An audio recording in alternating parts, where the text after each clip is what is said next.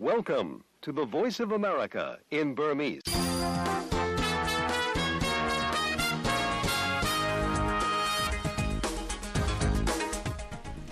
မင်္ဂလာမနက်ခင်းဖြစ်ကြပါစေခင်ဗျာ။ VOA အမေရိကန်တန်ရဲ့2024ခုနှစ်မတ်လ1ရက်တောက်ကြနေမနက်ခင်းအစီအစဉ်တွေကိုအမေရိကန်ပြည်ထောင်စုဝါရှင်တန် DC မြို့တော်ကနေလိုင်းဒိုမီတာ30နဲ့40ကိုလိုင်းလံမီတာ190ကနေစတင်ထုတ်လွှင့်နေပါပြီ။ဒီအစီအစဉ်ကို VOA ရဲ့ Facebook နဲ့ YouTube စာမျက်နှာကပါ ရုပ်သံဖြစ်နေတိုက်ရိုက်တင်ဆက်နေတာပါ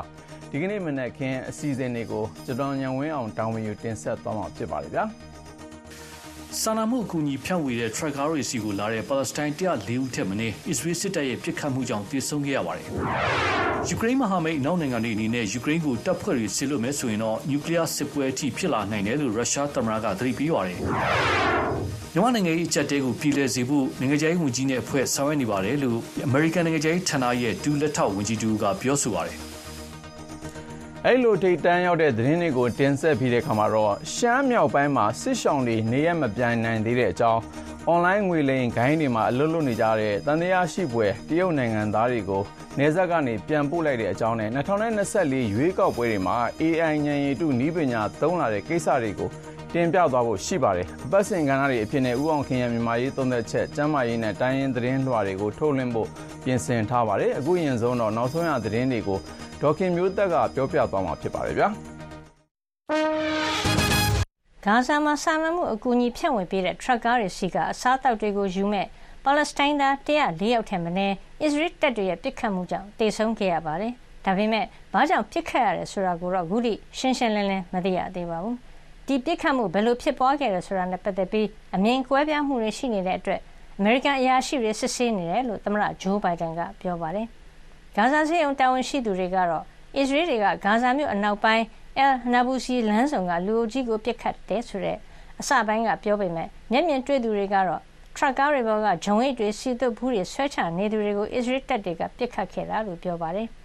အစ္စရေးရရှိတွေကတော့လူအုပ်ကြီးဟာထရပ်ကားတွေစီအတင်းပြေးလာပြီးချင်းချောက်တဲ့အနေအထားဖြစ်လာတဲ့အတွက်တပ်သားတွေကပစ်ခတ်ခဲ့တယ်လို့ပြောပါတယ်။စစ်တပ်ကလည်းလူအုပ်ကြီးတွန်းတိုက်တင်းနှင်းမိတာနဲ့ထရပ်ကားကျိတ်မိတာတွေကြောင့်လူပေါင်းဒါဇင်နဲ့ချီတေဆုံးဒဏ်ရာရခဲ့တယ်လို့အစပိုင်းမှာပြောပါတယ်။အစ္စရေးဝန်ကြီးချုပ်ဘန်ဂျမင်နန်တယာဟူကလည်းအလားတူဖြည့်ရှင်းချက်ပေးခဲ့ပြီးလူတွေကပစ္စည်းတွေလူဖို့အတွက်စ조사ခဲ့ကြကြောင်းနဲ့နောက်မှထရပ်ကားတွေကတိုက်မိတာဖြစ်ကြောင်းပြောပါတယ်။ ရုရှားမှာအနောက်နိုင်ငံတွေကပြစ်မှတ်တွေကိုပြစ်ခတ်နိုင်တဲ့လက်နက်တွေရှိနေတာဖြစ်ပြီးတကယ်လို့ယူကရိန်းကိုအနောက်နိုင်ငံတွေကတပ်တွေဆစ်လွတ်မယ်ဆိုရင်တော့နျူကလ িয়ার စစ်ပွဲစတင်မဲ့အန္တရာယ်ရှိတယ်လို့ရုရှားသမ္မတဗလာဒီမီယာပူတင်ကသတိပေးလိုက်ပါတယ်။ဒါ့အပြင်အခုဖြစ်ပွားနေတဲ့စစ်ရေးပဋိပက္ခမှာနျူကလ িয়ার လက်နက်တွေသုံးလာပြီးလူ့အဖွဲ့အစည်းကိုအဖျက်ဆီးခံရမယ့်အန္တရာယ်ရှိနေတာကိုအနောက်နိုင်ငံတွေနားလည်ဖို့ရုရှားသမ္မတကသူ့ရဲ့နှစ်ပတ်လည်နိုင်ငံတော်အခြေပြမိန့်ခွန်းမှာပြောကြားခဲ့တာဖြစ်ပါတယ်။ အခုလိုရုရှားသမ္မတကပြောပေမဲ့ယူကရိန်းရဲ့မဟာမိတ်အနောက်နိုင်ငံတွေက2022ရုရှားကျူးကျော်ခဲ့တဲ့နောက်ပိုင်းရုရှားကိုပြန်ပြီးတွန်းလှန်ဖို့ယူကရိန်းကိုလက်နက်ခဲယမ်းတွေသာအများအပြားပေးပို့နေတာဖြစ်ပြီးယူကရိန်းတပ်တွေနဲ့လက်တွဲတိုက်ခိုက်ဖို့တပ်သားတွေဆစ်လွတ်ပေးမယ်လို့ဘယ်နိုင်ငံကမှမပြောသေးပါဘူး။ယူကရိန်းမှာတိုက်ခိုက်ဖို့အနောက်နိုင်ငံတပ်တွေဆစ်လွတ်မယ်အစီအစဉ်မရှိပေမဲ့ဖြစ်နိုင်ခြေကတော့ရှိနေသေးပဲလို့ဒီသတင်းပတ်အစောပိုင်းမှာပဲပြင်သစ်သမ္မတအီမန်နျူယ်မက်ခရန်ကပြောကြားခဲ့တာပါ။ ယူကရိန်းဟာ အနောက်နိုင်ငံတွေရဲ့စီးရင်မဟာမိတ်ဖြစ်တဲ့နေတိုးအဖွဲ့ဝင် မဟုတ်သေးတဲ့အတွက် ယူကရိန်းကာကွယ်ရေးအတွက် အနောက်နိုင်ငံတွေက ထဲထဲဝင်ဝင် မလုပ်ကြသေးပါဘူး။ကာကွယ်ရေးဝန်ကြီး Lloyd Austin ဟာ ကင်ဆာရောဂါကြောင့် ဒီနှစ် နှစ်ဆိုင်ပိုင်း ဆေးရုံတက်ကုသမှု ခံယူခဲ့ရတာနဲ့ ပတ်သက်ပြီး သမ္မတအိမ်ဖြူကို အကြောင်းမကြားကြတဲ့အတွက် ကြာသပတေးနေ့မှာ အမေရိကန်လွှတ်တော်အမတ်တွေက ပြင်းပြင်းထန်ထန် ဝေဖန်ကြပါတယ်။ကော်မတီရဲ့ Republican Party ဥက္ကဋ္ဌ Mike Rogers ကတော့ ကာကွယ်ရေးဝန်ကြီးဟာ ပန်တဂန်မှာမရှိဘဲဆေးရုံတက်နေရကြောင်းအမေရိကန်သမ္မတကိုတင်ပြဖို့အတွက်၃ရက်ကြာနေတာဟာလုံးဝလက်ခံနိုင်စရာမရှိဘူးလို့ကြားနာပွဲမှာပြောပါတယ်။ယူကရိန်းနဲ့အစ္စရေးမှာစစ်ဖြစ်နေတယ်လို့ပင်လယ်နီဒေသကအမေရိကန်သင်္ဘောတွေနဲ့ဆီးရီးယားနဲ့အီရတ်ကအမေရိကန်အခြေစိုက်စခန်းတွေအတိုက်ခိုက်ခံနေရချိန်မျိုးမှာကာကွယ်ရေးဝန်ကြီးတာဝန်မထမ်းဆောင်နိုင်ပဲဖြစ်နေတာကိုသမ္မတလုံးဝမသိပဲဖြစ်နေတယ်လို့ပြောပါတယ်။ဝန်ကြီးအော့စတင်ကတော့ကာကွယ်ရေးဌာနအတွက်ကြီးကြပ်မှုမပြတ်ရှိနေကြောင်းအခိုင်အမာပြောဆိုပေမဲ့ ထိပ်ပိုင်းခေါင်းဆောင်တွေကိုအသိပေးဖို့တေချာမလုပ်မိကြောင်းဝန်ခံခဲ့ပါတယ်။အသက်80ရှိပြီဖြစ်တဲ့ဝန်ကြီးအော့စတင်ဟာဒီဇင်ဘာ22ရက်နေ့ကသူ့ကင်ဆာရောဂါအတွက်အသေးစားခွဲစိတ်ကုသမှုခံယူခဲ့ပြီးနောက်နေ့နေအိမ်မှာပြန်နေတာဖြစ်ပါတယ်။ဇန်နဝါရီ၁ရက်နေ့မှာတော့မအီမသာဖြစ်ပြီးပြင်းပြင်းထန်ထန်နာကျင်လာတဲ့အတွက်နောက်တစ်ကြိမ်ဆေးရုံတက်ခဲ့ရတာပါ။ဒီကိစ္စကိုသမ္မတအိမ်ဖြူကဇန်နဝါရီ၄ရက်နေ့ထိမသိပဲလွှတ်တော်ကလည်း9ရက်နေ့ထိမသိရသေးပဲဖြစ်ခဲ့ရတာပါ။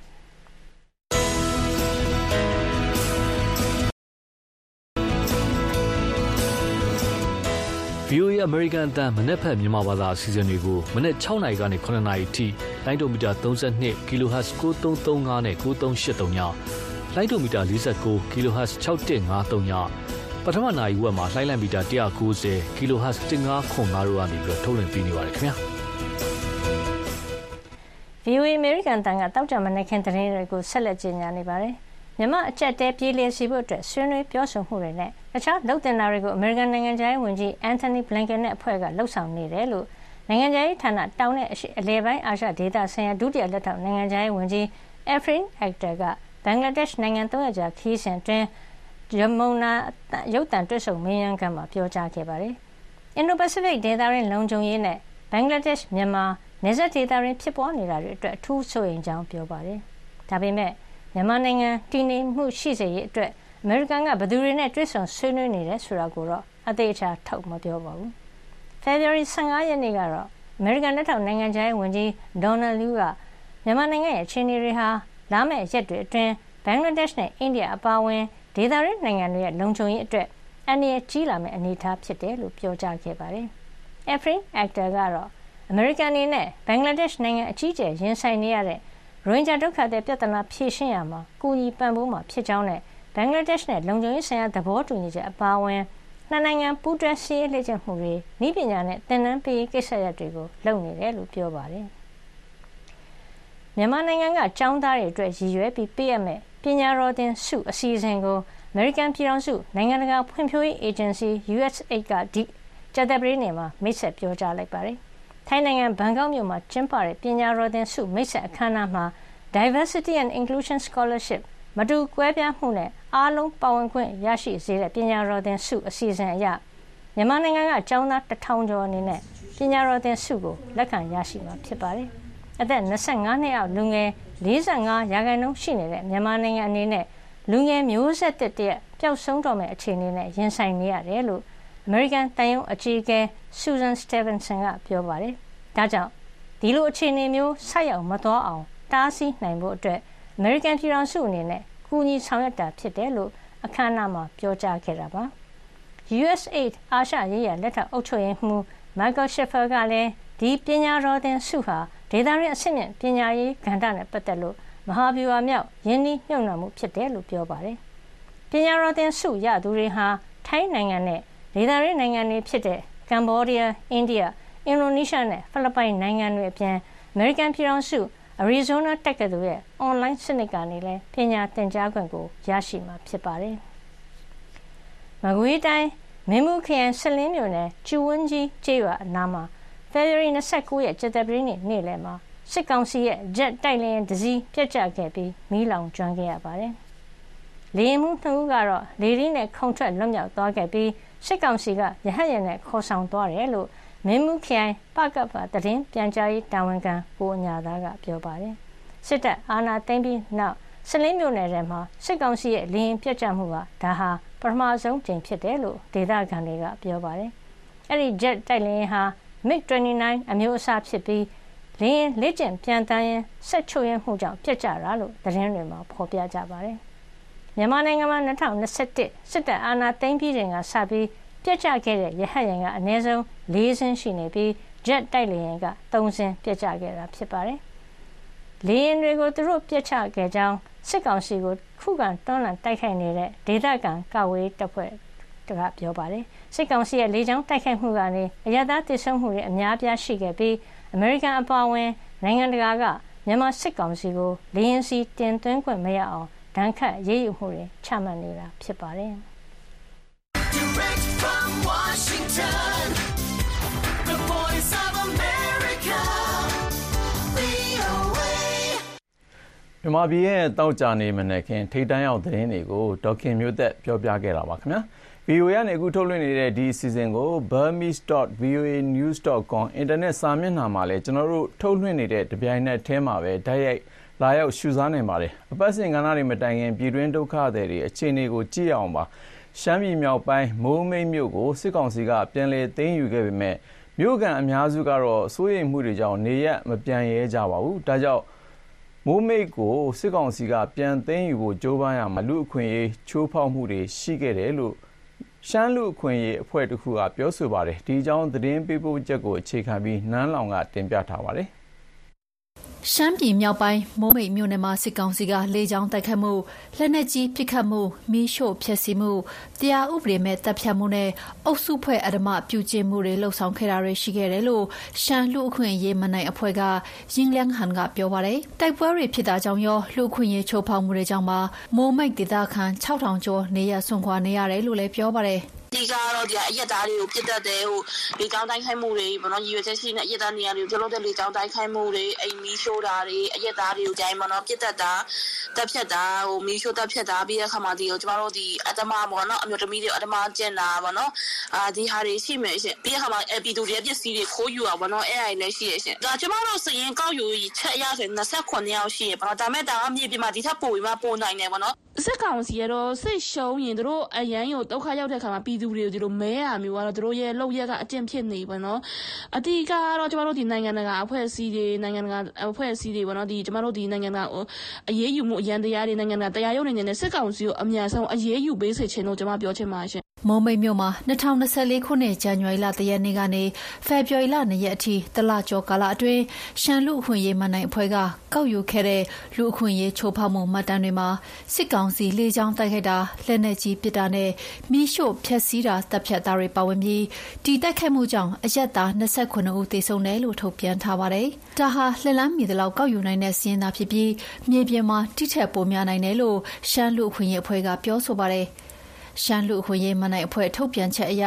ရွှေစာလီကြည်တော်စုတောင်ပိုင်းရက်ွက်ရွာတော်လေးလက်ခုတ်တန်းမိုးမိတ်စီတို့မှာစစ်ကောင်စီလေကြောင်းတိုက်ခိုက်မှုမီးရှို့ခံရမှုတွေကြောင့်အိမ်ချေအတော်များများမီးလောင်ဆုံးရှုံးခဲ့ရတယ်လို့ဖော်ပြထားပါတယ်။လက်တလုံးမှာတော့မိုးမိတ်နဲ့အမဘိန်းမြို့တွေကိုစစ်ကောင်စီကစစ်အုပ်ချုပ်ရေးထုတ်ပြန်ထားပါတယ်။ဒီမြို့နယ်နှစ်ခုရဲ့အုပ်ချုပ်ရေးနဲ့တရားစီရင်ရေးကိစ္စတွေမှာမြောက်ပိုင်းတိုင်းစစ်ဌာနချုပ်တိုင်းမှုကိုစစ်အုပ်ချုပ်ရေးကျင့်သုံးဖို့ဖွဲ့စည်းပုံအခြေခံဥပဒေအရအနှင်းလိုက်တယ်လို့လည်းစစ်ကောင်စီကထုတ်ပြန်ပါတယ်။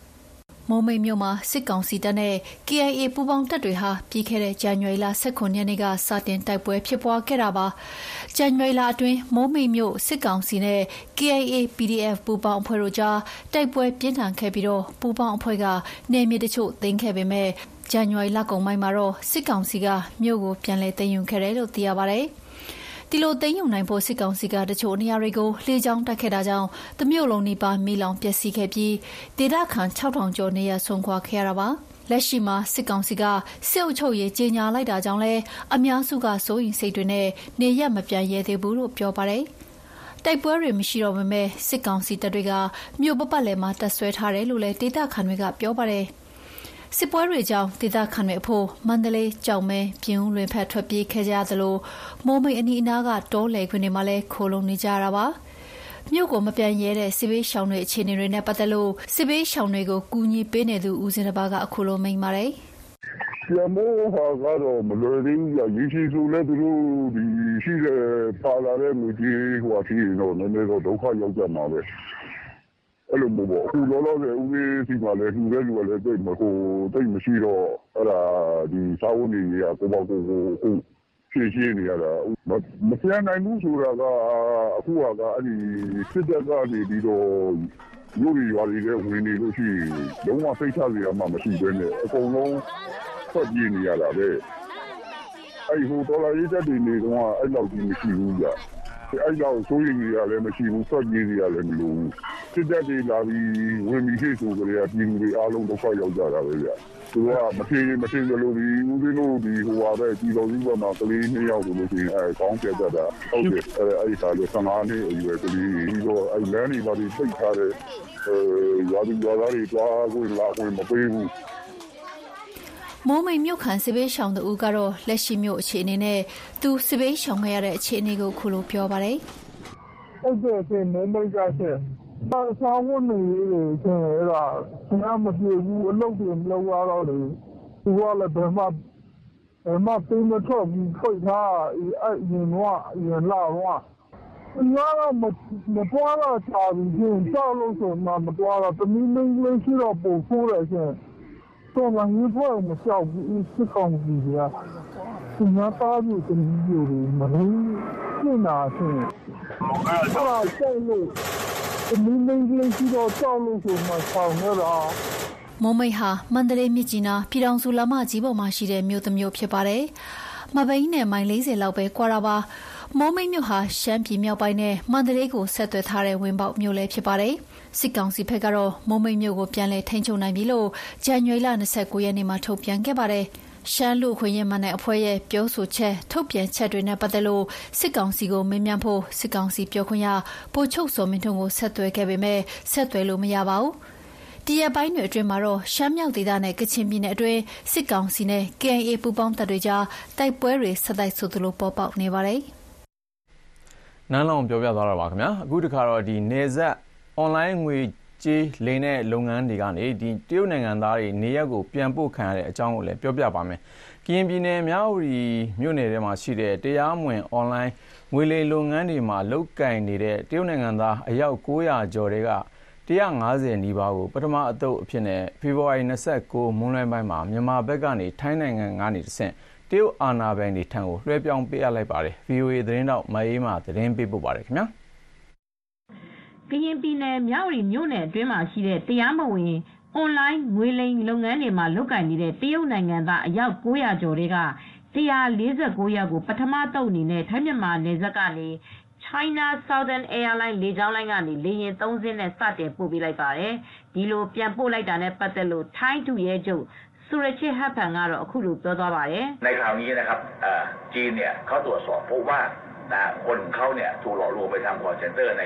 เมียวดีသူပြောသွားတာကတော့အခုတစ်ချိန်ကတော့တရုတ်နိုင်ငံအစိုးရကဓာတ်ရိုက်ကင်တွယ်ပြီးစစ်ဆေးတွေ့ရှိချက်အရတရုတ်နိုင်ငံသားတွေမြောက်ရီဘက်မှာရှိတဲ့ လောင်းကစားနဲ့အွန်လိုင်းလိမ်လည်ဂိုဏ်းတွေ call center တွေမှာခိုင်းစေခံရတာကိုတွေ့ရှိခဲ့တာပါ။ဒီအတွက်ထိုင်းနဲ့မြန်မာအာဏာပိုင်တွေညှိနှိုင်းပြီးသူတို့နိုင်ငံတွေကိုအားလုံးကိုပြန်ခိုင်းတဲ့အစီအစဉ်ဖြစ်ပါတယ်။တရုတ်နိုင်ငံသားတွေကိုမြောက်ရီကနေမဲဆောက်အပြည်ပြည်ဆိုင်ရာလေဆိပ်အထိဘတ်စကားအစီး30နဲ့ပို့ခဲ့ပြီးမဲဆောက်ကနေတရုတ်နိုင်ငံကိုပို့မှာဖြစ်ပါတယ်ဆိုပြီးထိုင်းဘာသာနဲ့ပြောဆိုသွားခဲ့ပါတယ်။ ထိုင်းမြန်မာနယ်စပ်ချစ်ကြည်ရေးအမှတ်2တရားကနေမြန်မာဌာနဆိုင်ရာတာဝန်ရှိသူတွေကတရုတ်နိုင်ငံသားတွေကိုတရားဝင်လွှဲပြောင်းပေးခဲ့ပြီးထိုင်းဘက်ကတော့ထိုင်းလာဝကနဲ့တရုတ်အာဏာပိုင်တွေကလွှဲပြောင်းယူခဲ့တာဖြစ်ပါတယ်။ပထမအသုတ်အနေနဲ့တရုတ်နိုင်ငံသား149ယောက်ကိုလေယာဉ်3စင်းနဲ့ပို့ခဲ့ပြီးကျန်တဲ့သူတွေကိုလည်းတရုတ်နိုင်ငံကိုဆက်ပို့ဆောင်သွားမှာဖြစ်ပါတယ်။ တရုတ်နိုင်ငံသား100ကျော်ကိုထိုင်းနိုင်ငံဘက်ကိုလွှဲပြောင်းပေးခဲ့ပေမဲ့ထိုင်းနိုင်ငံရဲ့ဥပဒေအရအရေးယူခြင်းမရှိဘဲတရုတ်လေယာဉ်နဲ့မဲဆောက်လေဆိပ်ကနေဘန်ကောက်လေဆိပ်အဲဒီနောက်တရုတ်နိုင်ငံထိဆက်လက်ပို့ဆောင်သွားမှာဖြစ်ပါတယ်။တရုတ်နိုင်ငံသားတွေကိုကရင်နယ်ခြားစောင့်တပ်ကထိန်းသိမ်းထားပြီးလူ900ကျော်ဖြစ်တဲ့အတွက်ဖေဖေါ်ဝါရီလ29ရက်နေ့ကနေမတ်လ9ရက်နေ့အထိအတုပ်လိုက်ခွဲပို့မှာဖြစ်ပါတယ်။ဒီထဲမှာထိုင်းနိုင်ငံသား62ဦးကိုလည်းပြန်လည်လွှဲပြောင်းပေးသွားမယ်လို့ဆိုပါတယ်။ အွန်လိုင်းကနေလိမ်လည်ခံရသူအများစုဟာထိုင်းအသက်ကြီးပိုင်းပင်စင်စားတွေဖြစ်ပြီးဌာနဆိုင်ရာတွေမှာတာဝန်ယူထားတဲ့ထိုင်းအစိုးရဝန်ထမ်းတွေတောင်ပါဝင်တယ်လို့လည်းဆိုပါတယ်ရှင်။ VOA American တန်ရဲ့သတင်းမှန်သတင်းမြန်တွေကို Telegram လူမှုကွန်ရက်စာမျက်နှာမှာလည်းရှုစားနိုင်ပါပြီ။ VOA Telegram စာမျက်နှာလိပ်စာ t.me/burmese.voanews မှာ join လုပ်ပြီးချိတ်ဆက်လိုက်တာနဲ့ထိတ်တန်းရောက်သတင်းတွေကိုဖြန့်ချိချိန်နဲ့တပြိုင်နက်တည်းရရှိနိုင်မှာပါ။ VOA Telegram တရားဝင်စာမျက်နှာက VOA Burmese ဆိုတဲ့နာမည်နဲ့ blue mark အပြာရောင်အမှတ်လေးပါတာသတိပြုစီကြပါရရှင်။ VOA သတင်းတွေပြည်သက်တွေစီအမြန်ဆုံးပေးပို့နိုင်ဖို့အစဉ်ကြိုးစားနေပါတယ်။ VOA အမေရိကန်တန်ရဲ့မနက်ခင်းအစည်းအဝေးတွေကိုချစ်မိတ်ဆွေတွေကြီးစုနားဆင်နေရတာပါခင်ဗျာအခုတော့နျူကလ িয়ার လက်နက်ထုတ်လုပ်နိုင်တဲ့ယူရေနီယံတွေရှမ်းပြည်နယ်ထဲထွက်နေသလားဆိုတဲ့အကြောင်းပါအမေရိကန်တရားရေးဌာနရဲ့ဆွဲချက်ထဲမှာ RCSS ရှမ်းလက်နက်ကိုင်တပ်ဖွဲ့တွေဆီကနေ လက်နက်ထုတ်နိုင်တဲ့အဆင့် နျူကလီးယားကုန်ကြမ်းပစ္စည်းတွေ ရှိနေတယ်ဆိုတဲ့ ဖော်ပြချက် နောက်ဆက်တွဲဂယက်ဟာ ရှမ်းပြည်သူတွေရော ရှမ်းနိုင်ငံရေးလောကထဲမှာပါ အကြီးအကျယ်ကို ရိုက်ခတ်သွားပါတယ်။ရှမ်းပြည်နယ်မှာ နျူကလီးယားလုပ်နိုင်တဲ့ ယူရေနီယံတွေ ထွက်နေပါသလား၊ရှမ်းလူမျိုးရေးတွေကို အဓိက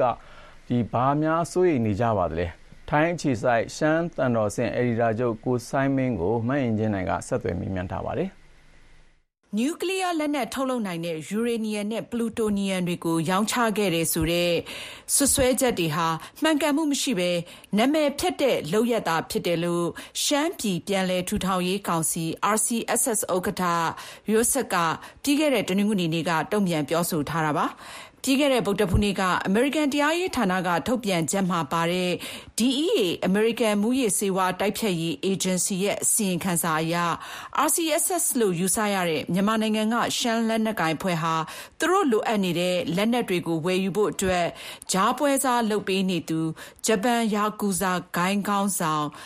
တာကီရှီအာဘီဆာဝါကနေတဆင့် နျူကလ িয়ার လက်နက်တွေထုတ်လုပ်နိုင်တဲ့အဆင့်ရှိတဲ့ ယူရေနီယံနဲ့ပလူတိုနီယံတွေအပါအဝင်မူးယစ်ဆေးဝါးတွေကိုရောင်းချဖို့ပူးပေါင်းကြံစည်ခဲ့ကြောင်းဖော်ပြထားတာပါ။ဒါ့အပြင်ယာကူဇာခေါင်းဆောင်အာဘီဆာဝါအဆိုအရယူရေနီယံသတ္တုကလည်းရှမ်းပြည် RCSS ထိန်းချုပ်ထားတဲ့နယ်မြေကနေထွက်နေတာဖြစ်ကြောင်းအမေရိကန်တရားရေးဌာနထုတ်ပြန်တဲ့စာရွက်စာတမ်းတွေမှာဖော်ပြထားပါတယ်။ ရှမ်းပြည်မှာ ယူရေနီယံသတ္တုတွေ ထွက်နေသလားဆိုတာ အတိအကျ မသိရပေမယ့် ရှမ်းပြည်တောင်ပိုင်း မိုင်းကိုင်မှာ သတ္တုတွင်းတွေ၊နောက်ပြီး ကျောက်မီးသွေးတွင်းတွေ ရှိနေကြောင်း ရှမ်းသံတော်ဆင့် အယ်ဒီတာချုပ် စိုင်းမိန်က VOA ကို ပြောပါတယ်။“ဒီယူရေနီယံတွေပတ်သက်ပြီးတော့မှ ထွက်ရှိတယ်ဆိုတဲ့ဟာက တခါမှ မကြားမိဘူးပေါ့နော် အဲ့ဒါဒီအမေရိကန်ကလည်းသူအချက်လက်မပြည့်စုံမလုံလောက်ပဲနဲ့သူကထုတ်ပြန်မှာမဟုတ်ဘူးဆိုတော့ဒါစဉ်းစားစရာပေါ့နော်ဒီရှမ်းပြည်မှာရှိနေတဲ့လက်နက်ကင်တပ်ဖွဲ့တွေအများစုကဥပမာကျွန်တော်တို့ကြားသိရ တန်လွင်မြစ်ထဲမှာထွက်ရှိတဲ့ဒီရွှေတွေကျင်ယူတာတော့မှသူတို့ကရှင်းပြောလို့ရှိရင်ဒီသူတို့လုပ်တဲ့နည်းပညာကမလောက်မငှနဲ့ခက်ခက်ခဲခဲလုပ်ယူရတဲ့အနေအထားပေါ့နော်အဲ့ဒါဖြစ်နိုင်မလားဆိုတဲ့ဟာစဉ်းစားချက်ပါခင်ဗျာ ကျမတို့ဒီ VOA ရဲ့စုံစမ်းမေးမြန်းချက်တွေအရဆိုလို့ရှိရင်အဲ့ဒီရှမ်းပြည်ဘက်မှာတရုတ်နိုင်ငံသားတွေကနေပြီးတော့ပေါ့လေတတုတူးဖော်ရေးလုပ်ငန်းတွေမှာအကြီးအကျယ်လာရောက်ပြီးတော့ရင်းနှီးမြှုပ်နှံလုပ်ကင်နေကြတယ်အဲ့ဒါဆိုလို့ရှိရင်နှစ်အတန်ကြာနေပြီလို့လည်းသိရတယ်ပြီးတော့ယူရေနီယံတွေထွက်နေတယ်ဆိုတဲ့သတင်းတွေနဲ့ဒီလိုတရုတ်တွေကလာပြီးတော့ပေါ့နော်တတုတူးဖော်ရေးလုပ်ငန်းတွေလုပ်နေတာဆိုတာကရောဟိုဘလို့ဆက်ဆက်နေလဲရှင် ကျွန်တော်တို့လည်းအံ့ဩပါတယ်ဒီအာအာနာမသိန်းခင်တုန်းကအာကျွန်တော်ဒီကျွန်တော်တို့ရုံးအောင်တောင်ကြီးမှာရှေ့ဆိုင်တာကိုရှမ်းပြည်တောင်ပိုင်းဘက်ကိုကားစီးလာလို့ရှိရင်မြို့နယ်တိုင်းမှာပေါ်မှာစကားရှမ်းစကားလုံးဝမတတ်တဲ့တရုတ်ပြည်ကတရုတ်တွေတွေ့တာပေါ့နော်အဲ့ဒါသူတို့ပါလာလို့လေလို့လိုက်နေကြည့်လို့တချို့တွေကတော့ပြောတယ်သူတို့တတူလာရှာတယ်လို့တော့ပြောတာတော့ကြားတယ်အာ အဲဒါနဲ့စစ်ကောင်စစ်တပ်ကနေဒီမြန်မာမြန်မာလဝကကနေသူတို့ဖမ်းအဖမ်းစီတူရဆိုတာအလုံးဝမကြားခဲ့ဘူးနောက်ရှမ်းပြည်မြောက်ပိုင်းထဲမှာပြည်သူစစ်အဖွဲ့ပေါင်းဆယ်ဖွဲ့ကျော်ကတရုတ်စကားပြောတွေပဲအဲ့အဲ့ဒီပြည်သူစစ်တပ်ဖွဲ့တွေကအဲကျွန်တော်တို့နိုင်ငံထဲမန္တလေးရန်ကုန်ထိသူတို့ဒီတိုင်းနဲ့လွတ်လွတ်လပ်လပ်သွားလာလို့ရတယ် မေးစရာရှိတာကဒီ American DEA ကတင်ပြထားတဲ့အထောက်အထားတွေအရဆိုရင် RCSS ဥက္ကဋ္ဌ Yosef ရှိမှာဒီ nuclear ကုန်ကြမ်းတွေရှိနေတယ်ဆိုတဲ့အချက်ကိုရောဘယ်လိုမြင်လဲရှင်ဟုတ်အခုကျွန်တော်အံ့ဩတာပေါ့နော်ကျွန်တော်တို့လည်းဒီတရင်ကြားတဲ့နောက်ပိုင်းမှာဒီထွက်ရှိတဲ့တည်င်းတွေတတူတန့်စင်မှုလုံးငန်းတွေ အာတကယ်ကိုအန်ဒီရဲ့ကြီးမားတယ်လေနော်ဒီယူရေနီယမ်ကနေပူတိုနီယမ်ကိုပြောင်းတယ်ဆိုတဲ့စိနာတာမှနျူကလ িয়ার ဆိုရင်တကယ်ကိုအန်ဒီရဲ့ကြီးတဲ့ဟာပေါ့နော်အဲကျွန်တော်အနေနဲ့လေဒီအမြင်မိတာတကယ်တမ်းဒီအဲ့ဒီတက်တူတွေတို့တန့်စင်နိုင်လို့ရှိရင်သူတို့စူးစမ်းပြီးလုပ်နေတယ်လက်နဲ့လက်နဲ့သူစီးတွေကလည်းတကယ်ကိုခစ်နေခစ်ခစ်နေနေနဲ့ဖြစ်နေတဲ့အဆင့်ပေါ့နော်အခုဒီဆမတို့လည်းလေ့လာကြည့်လိုက်လို့ရှိရင်တို့ကင်ထားတဲ့တနတ်တွေလည်းတွေ့မှာပါဘလောက်ဖြစ်နေနေလဲဆိုတော့သူတို့ကိုယ်ပိုင်ထုတ်နေတဲ့ဟာဘာလို့ကိုမှကိုမတွေ့ရအောင်အဲ့လိုနေထားပေါ့နော်တကယ်တမ်းသူတို့အဲ့လောက်တတ်သူတွေတန့်စင်နိုင်လို့ရှိရင်အဲဒီဒီဂျနတ်ထုတ်လုပ်တဲ့အပိုင်းမှာကတော့မပြောပါလောက်ဘူးလို့တော့မြင်မိတယ်လေနော်အဲ့တော့ဒီ American ဘက်က RCSS ထိန်းချုပ်ထားတဲ့နေမြေထဲမှာယူရေနီယံတပ်တုတွေထွက်နေတဲ့အပြင်တန့်စင်ထားတဲ့နျူကလ িয়ার ကုန်ကြမ်းတွေပါရှိနေတယ်ဆိုတဲ့ဆွဲချက်တွေက ဒီရှမ်းလူမျိုးတွေအပေါ်မှာပေါ့နော်ဘလို့ရိုက်ခတ်နေလဲရှင်အခုရှမ်းနိုင်ငံကြီးအတိုင်းဝိုင်းကအထူးဆိုရင်တော့ပေါ့နော်ဘာလို့လဲလဲဆိုတော့အရင်တုန်းကလည်းမုန်တိုင်းအာမီ MTA တက်ဆိုတာရှိခဲ့တယ်အဲ့ဒီအမေအဲ့ဒီအဲ့ဒီတုန်းကလည်းအမေရိကန်ကဒီမူရေးဈေးဝါးနဲ့ပတ်သက်ပြီးတော့မှမူကြီးရာသာမူကြီးပရင်ပိန်ပရင်ခွန်စာလို့သူဆွဲတဲ့အချိန်တုန်းကခွန်စာက အာဆိုရင်မှုလုံခဲ့ပြီးတော့မှလက်နဲ့ချတတလုံးလက်နဲ့ချလိုက်တဲ့အဆင့်ဖြစ်သွားတယ်လေအခုချိန်နေလေဒီရှမ်းပြည်တမ်းတော်အာကအခုလေဒီကောင်းဆောင်ကအဆုဆက်ခံရတော့အဲ့လိုမျိုးအခြေအနေဖြစ်လာမလားဆိုတဲ့စိုးရိမ်ချက်ကအထူးအမြင့်ဆုံးအနေအထားဖြစ်နေတယ်မင်းကြီးနိုင်မေးမြန်းတင်ပြခဲ့တာပါခင်ဗျာ2024အမေရိကန်ရွေးကောက်ပွဲမှာ AI ပါဝင်ပတ်သက်မှုဘယ်လိုရှိမလဲကြည့်အောင်ပါ 2024 အမေရိကန်သမ္မတရွေးကောက်ပွဲမှာ အဓိက နိုင်ငံရေးခေါင်းဆောင် နှစ်ဦးဖြစ်တဲ့ဂျိုးဘိုင်ဒန်နဲ့ဒေါ်နယ်ထရန့်တို့ပဲ ဦးဆောင်နေတာပါ ထူးခြားချက်ကတော့ အမေရိကန်နိုင်ငံရေးမှာ AI ဉာဏ်ရည်တုနည်းပညာကို ပိုပြီးတော့သုံးလာပါတယ် VOA ပုံပြရုပ်သံကိုမတ်အေးတန်နာကျော် တင်ဆက်ထားပါတယ်ခင်ဗျာ I'm Carolyn Persutti, Senior Washington Correspondent with Voice of America. I'm Carolyn Persutti, Senior Washington Correspondent at Voice of America. ဒီထဲကတစ်ခုကပဲအစ်စ်ဖြစ်ပြီးတော့နောက်တစ်ခုက AI ဉာဏ်ရည်တုနည်းပညာနဲ့ဖန်တီးထားတာပါသူတို့နှစ်ဦးမတူတာပါရှိတယ်ကြည့်ကြည့်ပါဦးဒါကြောင့်ပဲ AI နည်းပညာက2024 American သမ္မတရွေးကောက်ပွဲအတွက်ကြီးမားတဲ့ပြဿနာဖြစ်နေတာပါဒီကိစ္စကို AI နယ်ပယ်ကသူ့ဖာသူထိန်းနိုင်မလားကျွန်တော်တော့မထင်ပါဘူးဒါက Republican ကိုရော Democrat တွေကိုပါဒုက္ခပေးလိမ့်မယ် AI ကကျမတို့ရွေးကောက်ပွဲကဏ္ဍတိုင်းမှာဝင်ပါပါလိမ့်မယ် ပါလဲပါနေပါတယ်အနည်းဆုံးလောလောဆယ်တော့တော်တော်ကြောက်စရာကောင်းတယ် Newscast Company ဆိုတာ online သတင်းစာမျက်နှာတွေပေါ်ကသတင်းမှားတွေ AI တွေကိုလိုက်ရှာစောင့်ကြည့်နေတာပါ2024သမ္မတရွေးကောက်ပွဲမှာမဲဆန္ဒရှင်တွေအနေနဲ့ဘယ်ဟာကိုယုံရမှန်းမသိဖြစ်မှာကိုပူရဲအမှုဆောင်အရာရှိ Steven Brill ကစိုးရိမ်နေပါတယ် 2016သမ္မတရွေးကောက်ပွဲမတိုင်မီတလားကထွက်လာတဲ့ Access Hollywood အမှုပညာသတင်းစာမျက်နှာကအတန်ဖိုင်မှာဆိုရင်အဲဒီတော့က Republican သမ္မတလောင်း Donald Trump ကအမျိုးသမီးတွေနဲ့ပတ်သက်ပြီးတော့စော်ကားမော်ကပြောဆိုနေတာကြားရပါတယ်။ Today if that surfaced he could easily ခုချိန်မှာသာအဲ့လိုမျိုးအတန်ဖိုင်မျိုးထွက်လာရဲဆိုရင်ဒါအတူကြီးပါလို့သူပြောမှာပဲလူတွေကလည်းဒါကိုယုံမှာပဲအခုက AI ခကြီးထဲမှာအတန်ဖိုင်အတူတွေဗီဒီယိုအတူတွေသတင်းမှားတွေကအများကြီးဖြစ်နေတာပါ ဒါမဲ့အခုထိတော့မင်းမြန်းကြည့်ပြီးသမျှရွေးကောက်ပွဲဝင်မဲ့သူတွေကသူတို့ကို AI နဲ့တိုက်ခိုက်တာကိုဘယ်လိုရှောက်ဖွေမလဲဆိုတာကိုမသိကြပါဘူး2023ဇွန်လတုန်းကဆိုရင်ရွှေရိုးစွဲဝါဒီတော်တော်များများမကြိုက်တဲ့ကိုဗစ်ကပ်ဘေးဆိုင်ရာသမ္မတအကြံပေးအန်တိုနီဖောက်ချီကိုသမ္မတဟောင်းထရန့်ကပွင့်ဖက်နန်းရှုံနှုတ်ဆက်နေတဲ့ AI ဓာတ်ပုံအတူတွေကို Republican သမ္မတလောင်း Ron DeSantis ကိုထောက်ခံတဲ့ web စာမျက်နှာတစ်ခုမှတင်ခဲ့ပါတယ်။ မဲဆွယ်သူတွေဟာတတိပုဂ္ဂလဝင်ရောက်ရှင်ပြိုင်သူတွေမဲဆန္ဒရှင်အသစ်တွေ AI နဲ့မရင်ပါတဲ့သူတွေကိုပြစ်မှတ်ထားလိုက်မယ်လို့ AI တက်မြောက်ရေးအဖွဲ့ AINU တည်ထောင်သူ Susan Gonzalez ကခန့်မှန်းပါတယ်။ AI ကထုတ်တဲ့သတင်းမှားကိုကျွန်မယုံလိုက်မိနိုင်ပါတယ်။ဥပမာလုံးဝမဟုတ်မဟတ်ကြော်ညာမျိုးပေါ့။ ဒါဆိုကျမမဲထဲတာတမျိုးဖြစ်သွားနိုင်ပါတယ်အဲ့ဒါကိုကြည့်ပြီးတော့ကျမကအမှန်ကန်တဲ့အချက်လက်ပေါ်မှာဆုံးဖြတ်ပြီးမဲပေးတာမျိုးမဟုတ်ဘူးဆိုတော့ကျမရဲ့လွတ်လပ်စွာမဲပေးနိုင်ခွင့်ကိုဆုံးရှုံးရလိုက်တဲ့သဘောပါကန်ဆိုရာကအခုရွေးကောက်ပွဲမှာအကန့်အသတ်ပေါင်းဆိုတာမရှိတော့ဘူးဘာစီးမြင်မှမရှိ နောက်ကလိုက်မဲ့တာဝန်ခံမှုမရှိပါဘူး ဒီလိုမျိုး AI နဲ့ဖန်တီးတဲ့နိုင်ငံရေးကြော်ညာတွေဟာတစ်ဖက်နဲ့တစ်ဖက်အနိုင်ရှုံးသိပ်ကပ်နေတဲ့ပွဲတွေမှာမဲရလက်တစ်မျိုးတစ်ပုံပြောင်းသွားစေတာပါ AI ကုမ္ပဏီတစ်ခုရဲ့အကြီးအကဲ Louis Rosenberg ကတော့သူ့ရဲ့ဝန်ထမ်းတယောက်တနအီလောက်အလုပ်လုပ်လိုက်တာနဲ့ရွေးကောက်ပွဲဝင်သူရဲ့ပြောဆိုချက်လိုမျိုး AI ဖန်တီးထားတာထွက်လာနိုင်တယ်လို့ဆိုပါတယ်ပြည်အောင်စုအစိုးရအနေနဲ့ AI ကုမ္ပဏီကြီးတွေကိုတေချာစီးကျက်ဖို့တာဝန်ရှိတယ်လို့သူကပြောတာပါဒါပေမဲ့ application တစ်ခုနဲ့ဆက်သွယ်အလုပ်လုပ်လို့ရတဲ့ API ကတစ်ဆင့်တစ်ဆင့်ခံကွန်ပျူတာ software ဖန်တီးတဲ့ကုမ္ပဏီတွေကိုအလုပ်အပ်ပြီးတခြား internet စာမျက်နှာတွေတဲကိုသူတို့ထည့်ချင်တာလိုက်ထည့်ခိုင်းလိုက်တာမို့လို့ဒါမျိုးကိုစောင့်ကြက်တဲ့ application တွေအနေနဲ့လည်း light စောင့်ဖန်ဖို့တိတ်ခတ်သွားပါတယ်။မူရင်းတီထွင်တဲ့ကုမ္ပဏီကတော့ကျင့်ဝတ်နဲ့မညီဘူးလို့ယူဆတဲ့နီလန်မျိုးတွေကိုတဆင့်ခံငှားတဲ့ကုမ္ပဏီတွေကသုံးလိုက်နိုင်တယ်လေ။ သမ္မတဂျိုးဘိုင်ဒန်ကဒီလိုမျိုး AI နဲ့ဖန်တီးတာတွေကို digital ရေးစာနဲ့အမှတ်အသားပြုရမယ်လို့သမ္မတအမိန့်ထုတ်ပြန်ပါတယ်။ဒါမျိုးလုပ်ရင် banner blindness ဆိုတဲ့ကြော်ညာတွေကိုလုံးဝလူတွေကမျက်စိရှမ်းသွားတာမျိုးဖြစ်လိမ့်မယ်လို့ MIT တက္ကသိုလ်က David Ram ကခန့်မှန်းပါတယ်။ AI ကဖန်တီးတာပါလို့နံပါတ်တက်လိုက်တာနဲ့တည်င်းမဟုတ်ဟုတ်မဟုတ်ဟုတ်အားလုံးကိုလူတွေကြည့်ရတော့မှာမဟုတ်ပါဘူး။ကင်ဆာလို့တက်လိုက်တယ်လို့ဖြစ်သွားပါလိမ့်မယ်။ဘယ်သူကမှအကောင့်ထင်မှာမဟုတ်ပါဘူး။ အမေရိကန်ပြည်အောင်စုရွေးကောက်ပွဲကော်မရှင်ကမဲဆွယ်ဘန်နာငွေဥပဒေကိုစီစစ်သူပါနိုင်ငံရေးမဲဆွယ်မှုတွေမှာ AI ဉာဏ်ရည်တုနည်းပညာအသုံးပြုဖန်တီးမှုတွေဟာသတင်းမှလိမ့်လည်ပေးမှုဖြစ် AI မသုံးအောင်ကန့်သတ်ဖို့ Public Citizen အများပြည်သူအခွင့်အရေးလှုပ်ရှားမှုအဖွဲ့ကကော်မရှင်မှာကန့်ကွက်စာတင်ပါတယ်။ မဲဆန္ဒရှင်တော်တော်များများကရွေးကောက်ပွဲကိုသိမယုံကြည်ကြတော့ဘူး။ဒီတော့လာမယ့်ရွေးကောက်ပွဲမှာသတင်းအချက်လက်အမှားတွေကြီးတွေ့ရမယ်ဆိုရင်ပိုဆိုးသွားလိမ့်မယ်။အမေရိကန်ပြည်သူတွေအနေနဲ့ရွေးကောက်ပွဲကိုယုံကြည်မရှိတော့ဘူးဆိုရင်ဒီမိုကရေစီကြီးပြတ်သုံးသွားရလိမ့်မယ်။ဒီလိုအများလက်မှတ်နဲ့ကန့်ကွက်မှုကိုရွေးကောက်ပွဲကော်မရှင်ကမဆုံးဖြတ်ပေးရသေးပေမဲ့ပြီးခဲ့တဲ့လပိုင်းအတွင်းအလားတူကန့်ကွက်မှုမျိုး Public Citizen ကတင်တာကိုတော့ပယ်ချခဲ့ပါတယ်။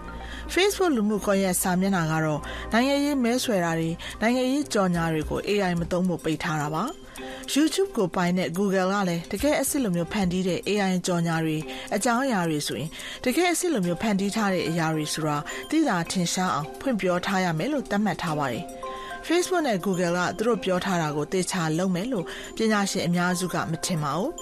။သူတို့သေချာမစည်းကြဘူးဒါမှမဟုတ်လုပ်လို့မရပါဘူး။ ဒါမှမဟုတ်အဲ့ဒီနှမျိုးလုံးပဲဖြစ်ဖြစ်ဆိုရင်ဘာမှအဓိပ္ပာယ်ရှိမှာမဟုတ်ဘူးထင်တယ်။ဒီဆောင်းမအစားကမိကုံကိုမှတ်မိကြပါသေးလားရှင်။အခုဗီဒီယိုကတော့အစ်စ်ပါ။နိုင်ငံရေးမှာ AI အသုံးပြုမှုနဲ့ပတ်သက်ပြီးတော့အားလုံးအတွက်တူညီတဲ့စီကံပေါင်းတွေမရှိဘူးဆိုရင်မဲဆန္ဒရှင်တွေအနေနဲ့အထူးအယောင်တွေကိုကိုယ်တိုင်ပဲလိုက်ရှာဖမ်းရမလို့ဖြစ်နေပါတယ်နော်။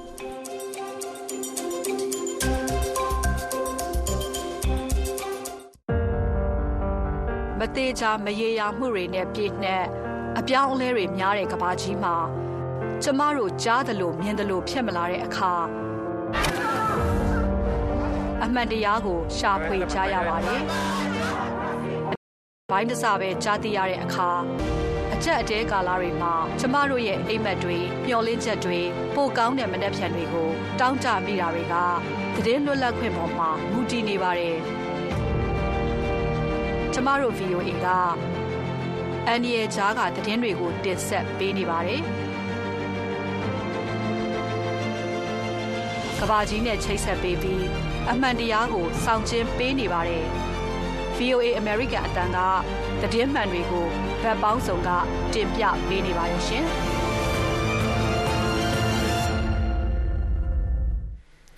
မင်္ဂလာမနက်ခင်းပြကြပါစေခင်ဗျာအခုဒုတိယပိုင်းနိုင်ဝက်အတွင်းမှာတော့ဥအောင်ခင်ရဲ့မြန်မာရေးသုံးသက်ချက်ဥဝင်းမင်းရဲ့ကျမ်းမာရေးကဏ္ဍတိုင်းရင်သတင်းလွှာအစီအစဉ်တွေကိုတင်ဆက်သွားဖို့ရှိတဲ့အထက်အရင်ဆုံးတော့ဥအောင်ခင်ရဲ့မြန်မာရေးသုံးသက်ချက်ဖြစ်ပါတယ်ကရင်နီစစ်မျက်နှာသစ်အကြောင်းကိုပြောထားပါတယ်ကရင်နီပြည်နယ်မှာဒေါ်လန်ရေးအင်အားစုတွေအားလုံးပူးပေါင်းဆောင်ရွက်နိုင်လာတာကြောင့်ဂျာကာလာအစိုးရဖွဲ့စည်းနိုင်တဲ့အခြေအနေရောက်လာပြီးစစ်စင်ရေးတိုးမြင့်နိုင်ပုံကိုဥအောင်ခင်ကနေပြီးတော့ရေးသားတင်ပြထားပါတယ်ဗျာ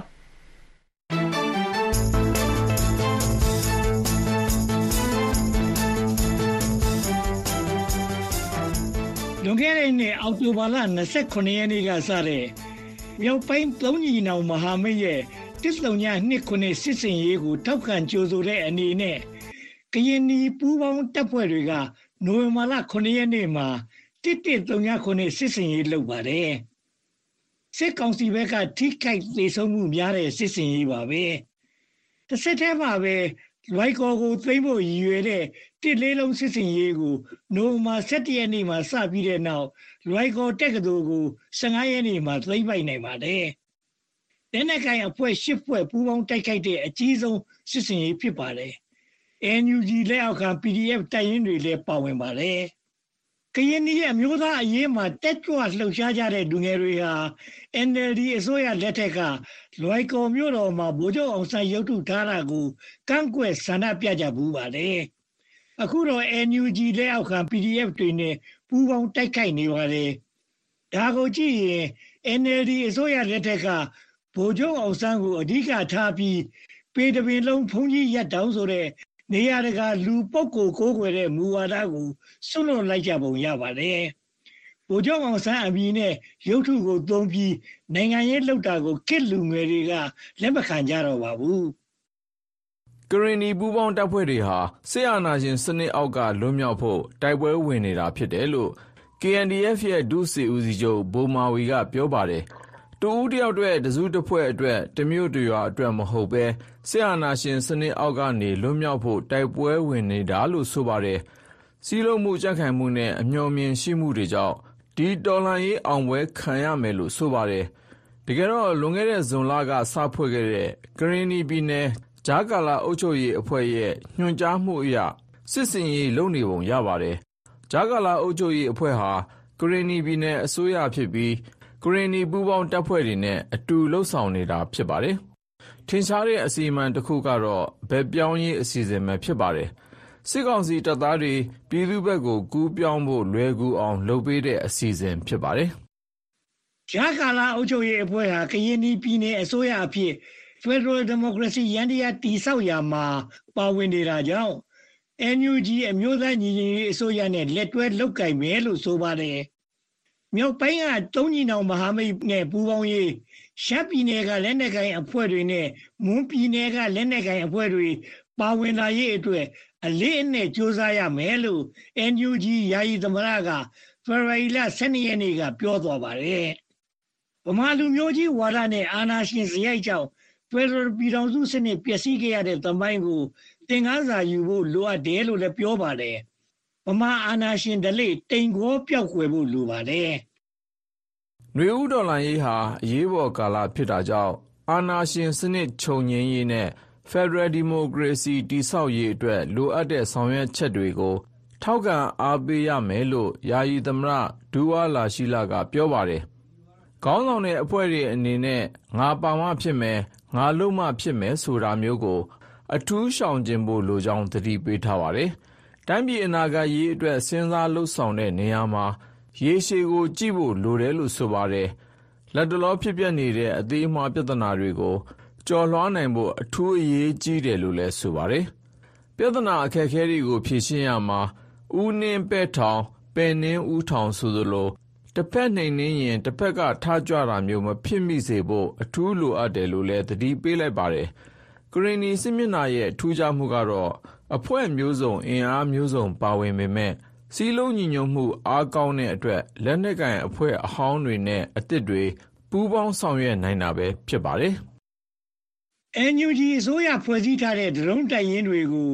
ကရင်ပြည်နယ်နဲ့ ကရင်ပြည်နယ်စကိုင်းတိုင်းမှာ အများဆုံး အသုံးပြုတယ်လို့ အေချမ်းစုရဲ့ ARD ဆောင်းပါးမှာ ဖော်ပြပါတယ်။ကရင်ပြည်နယ်က မဲ့ဆယ် ရှားတော့မိုးပြဲနမ်းမယ်ခုံ မော်ချီစားတဲ့မြို့တွေကိုသိမ့်ပိုက်တဲ့စစ်စင်ရေးမှာ60ရာခိုင်နှုန်းလောက်မှာဒရုန်းစစ်လေယာဉ်တွေကိုဘုံကျဲတိုက်ခိုက်ပြီးအကူအညီယူရတယ်လို့ KNDF ဒရုန်းအဖွဲ့ကဆိုပါတယ်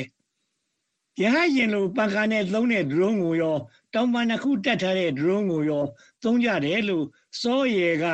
ဖေဖော်ဝါရီလ16ရက်နေ့ထုတ် ARD စာဆောင်မှာဖော်ပြပါတယ်။ကရင်နီပူပေါင်းတပ်ဖွဲ့ရဲ့ဒရုန်းစစ်စင်ရေးကို စစ်ကောင်စီတပ်သားတွေအကြောက်ဆုံးပဲလို့ဆိုပါတယ်။ဒရုန်းနဲ့ဆက်သွယ်တဲ့ရေဒီယိုလိုင်းကိုဖြတ်တောက်နိုင်တဲ့ဂျင်မာသုံးတဲ့နေရာမှာတော့ဒရုန်းပြန်သားမှုအခက်အခဲရှိပါတယ်။စစ်ကောင်စီဘက်ကလည်းတံပြန်တဲ့အနေနဲ့တခါသုံးအသေးခံဒရုန်းအမျိုးအစားကိုသုံးလာပါတယ်။အမေရိကန်ဒေါ်လာတစ်ထောင်ကျော်ဈေးရှိတဲ့တခါသုံးဒရုန်းဖြစ်လို့ရန်ပုံငွေတောင်းတင်းမှုလိုပါတယ်။ခရနီစစ်မျက်နှာဘက်ကဒရုန်းစစ်ပွဲမှာ KNDM နဲ့စစ်ကောင်စီတပ်ပြိုင်ဆိုင်နေရတယ်လို့စောရဲကဖော်ပြထားပါတယ်ခင်ဗျာဦးအောင်ခင်ရဲ့မြန်မာရေးသုံးသပ်ချက်ဖြစ်ပါတယ်အခုတော့ကျမ်းမာရေးကဏ္ဍပါဒီတစ်ပတ်မှာတော့ပြည်သူစစ်မှုထမ်းဥပဒေနဲ့ပြည်သူတွေစိုးရိမ်ထိတ်လန့်မှုကိုပြောထားပါတယ်ဒီလာထဲမှာစစ်မှုထမ်းဥပဒေထွက်လာပြီးတဲ့နောက်လူငယ်တွေနဲ့မိဘတွေအပါအဝင်မိသားစုအများစုရုတ်တရက်စိတ်တန်ရာဖိစီးမှုနဲ့ ကြုံလိုက်ရတယ်လို့ကျန်းမာရေးပညာရှင်တွေကထောက်ပြပါတယ်။လူမှုအတိုင်းဝိုင်းထဲမှာဒီစိတ်ဖိစီးမှုတန်ဘယ်အဆင့်ထိရောက်သွားနိုင်ပါသလဲ။ဩစတြေးလျနိုင်ငံ Central Queensland ဆေးရုံကစိတ်ကျန်းမာရေးအထူးကုဆရာဝန်ကြီးဒေါက်တာသက်ထေးကိုကိုဝင်းမင်းကဆွေးနွေးထားပါတယ်ဗျာ။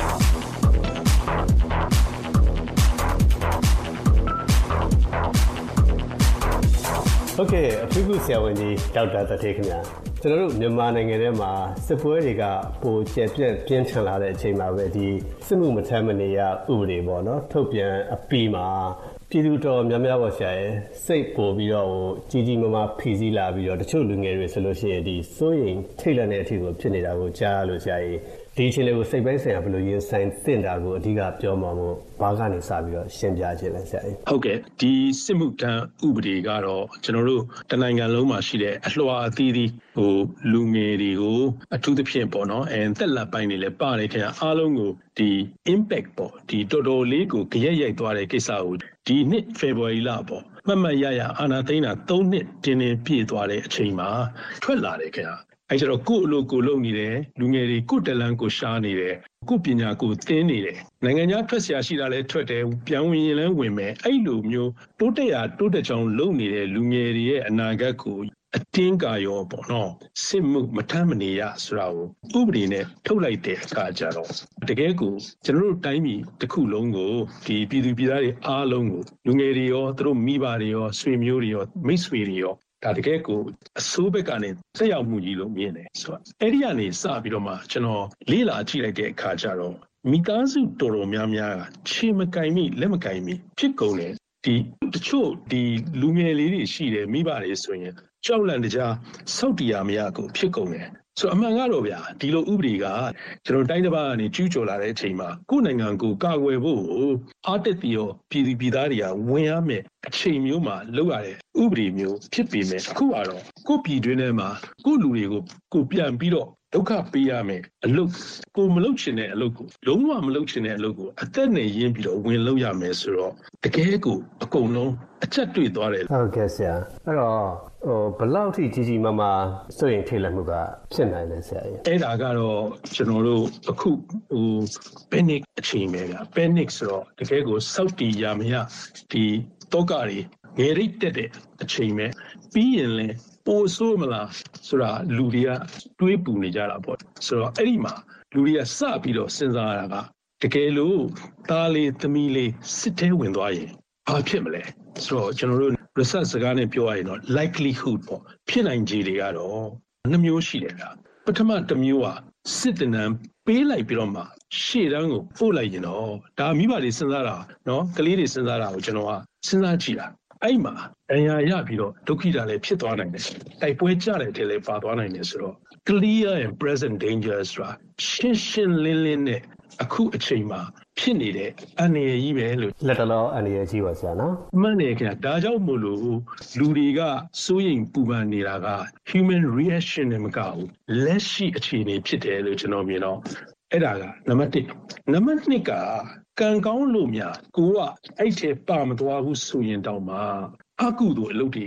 လုပ်ရမယ်အလုပ်ကြီးဆိုတာကိုချက်ချင်းမြင်တယ်ဗျာဥပမာဒီကလေးတွေကိုအညာဒေသများအင်ဂျီပေါင်းသသိန်းနီးပါးဗျာ9000 8000မီးရှို့ခံရတဲ့နေရာအဲ့ဒီမှာဒီကလေးတွေကကိုမလုပ်ချင်တဲ့အလုပ်တွေရွာတွေမီးရှို့ရမယ်ရရဆက်ဆက်ဆိုတော့ တကယ်ကိုတော်တော်ကိုကြောက်စရာကောင်းတဲ့အလုပ်မျိုးကိုဝင်လုပ်ရမယ်ဆိုတော့ကျွန်တော်ကိုချင်းစာပါတယ်ဗျာဟုတ်ကဲ့ဆရာကြီးအဲ့တော့အခုလိုအလားအလာအတွေ့အကြုံမျိုးပေါ့နော်အရင်ကြုံခဲ့ဖြစ်ခဲ့မှုတဲ့အနေအထားမျိုးပေါ့အခုအနေအထားကိုရှင်းသွားအောင်ဆရာရှိခဲ့လားနိုင်ငံတကာမှာတော့အင်အားကြီးနှစ်နိုင်ငံ ပထမဆုံးခေါင်းထဲရောက်လာတာကရုရှားမှာအဲ့လိုပဲလူငယ်တွေကိုဒီ compulsory ပေါ့နော်မဝင်မနေရစစ်မှုထမ်းခိုင်းတာကျွန်တော်တို့အခုဥပဒေလိုပဲဆိုတော့အဲ့ဒီမှာရုရှားမှာရာဇဝင်ပြန်ကြည့်လိုက်ဗျာအာဖဂန်မှာလည်းတထောင်ခွဲလောက်တည်သွားတယ်ရုရှားစစ်သားတွေနောက်ပြီးတော့အခုဆိုရင်ကျွန်တော်တို့ယူကရိန်းမှာအများကြီးတည်တော့အတင်းကိုသူတို့ကရှေ့တန်းကိုကလေးတွေပို့တော့ရုရှားကလေးတွေကထွက်ပြေးနေတယ်ရှောင်နေတယ်ဒုတိယကတော့ကျွန်တော်တို့ငယ်ငယ်တုန်းက အမေရိကပေါ့ဗီယက်နမ်ဝါမှာကျွန်တော်မှတ်မိတယ်ကက်ဆက်ကလေးမိုဟာမက်အလီယာစစ်မှုမထမ်းကျင်တော့ထောင်ထဲဝင်သွားတယ်ဆိုတော့အဲ့ဒီခစ်တုံးကဆန္ဒပြတာကြီးလေအမေရိကမှာအများကြီးဖြစ်တယ်ဗျဟုတ်ကဲ့နောက်ဒီ American နဲ့နေဆက်ပါနေဆက်တဲ့ကနေဒါဘက်ကိုလည်းထွက်ပြေးအဖမ်းခံခဲ့ကြပါသေးတယ်ဆရာဟုတ်ကဲ့အဲ့ဒီတုန်းကဒီဗီယက်နမ်ဝါမှာအမေရိကန်အစိုးရအတင်းလွှတ်လိုက်လို့ဘလောက်လောက်ဆုံးပါသွားတယ်ထင်လဲအမေရိကန်စစ်သား9000 9000လောက်ကျသွားတယ်ဆိုတော့အစိုးရတွေက အတင်းစစ်သားဆွဲတင်လို့ညွတ်တလူလူရှိတဲ့လူငယ်လေးတွေအသက်စတေးရတာကကဘာရဲ့ example ဟုတ်ကဲ့ဆရာပြပစစ်ကိုမှန်ပါတယ်ခင်ဗျနောက်ဗမာရဲ့ example လေးကျွန်တော်တင်ပြချင်တယ်ဂျပန်ခေတ်မှာဒီဂျပန်ဖက်စစ်စစ်တပ်ကကျွန်တော်တို့တန်ဖြူစရက်မှာယူရီးယားနဲ့ဗမာနဲ့ကိုမီတာလန်ဖောက်တော့ချွေးတက်ဆွဲတာဗျ9000ကျော်လောက်ကိုအတင်းဆွဲသွားတာဗမာတပြည်လုံးလိုက်ဆွဲပြီးတော့နေဆက်ကိုပို့လိုက်တော့ပြန်လမ်းမရှိပဲဟိုမှာငှက်ပြားလို့ဝန်းလျှောလို့ အစာချုပ်တက်ပြီးတော့အများကြီးဗမာတွေတောင်းပေါင်းများစွာတည်သွားတယ်အဲ့ဒီမှာနော်ဆိုတော့ဒီတစ်ခါတော့ကိုယ့်အသက်ပါကိုမလုပ်ချင်တဲ့ကိစ္စတွေစတေးရမယ်ဆိုတော့လက်ရှိခြေနေဟာအလွှာအားလုံးမှာထိတယ်ယောက်ျားလေးမိန်းကလေးတွေလူငယ်တွေအကုန်လုံးထိတယ်ဂျန်ဆက်တွေကိုဥတီပြီးတော့တိုက်ခိုက်တယ်ဆိုတော့ကျွန်တော်တို့ဗမာပြည်ကလူငယ်တွေက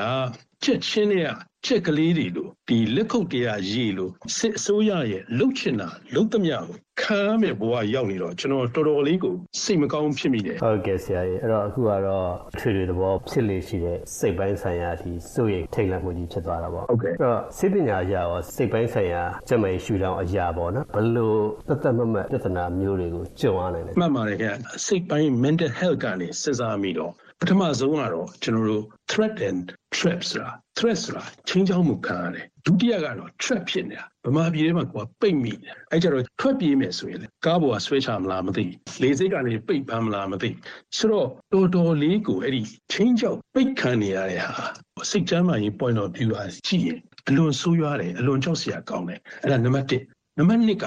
society and distress ဗျ ကျွန်တော်တို့ society မှာဖြစ်သွားတယ် trauma ကြီးလူအတိုင်းဝိုင်းကြီးတစ်ခုလုံးမှာဖြစ်တဲ့ကြီးမားတဲ့စိတ်တန်ရာပါဆရာနော်မှန်ပါတယ်ခင်ဗျလူအတိုင်းဝိုင်းမှာဟုတ်ကဲ့ဆရာအဲ့တော့ဆရာကြီးဒီစိတ်တန်ရာကြီးကိုဘယ်လိုပိုင်းခြားကင်တွယ်တင်တာကိုရှေ့ဘက်မှာဆက်ပြောအောင်ဆရာကျေးဇူးအများကြီးတင်ပါတယ်ဆရာ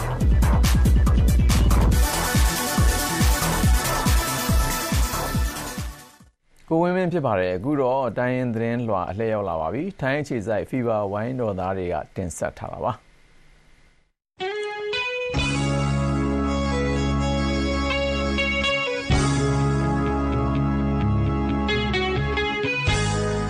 စဉ်တင်ဆက်သွားမယ့်တန်ရင်သတင်းလွှာကကြိုဆိုပါရယ်မြန်မာနိုင်ငံတဝန်းတန်ရင်သားလူမျိုးစုတွေနေထိုင်ကြတဲ့အရက်ဒေသတွေမှာဖြစ်ပျက်နေတဲ့အဖြစ်အပျက်တွေနဲ့တန်ရင်သားတွေရဲ့အတန်တွေကိုထင်ဟပ်တင်ဆက်ထားတာဖြစ်ပါတယ်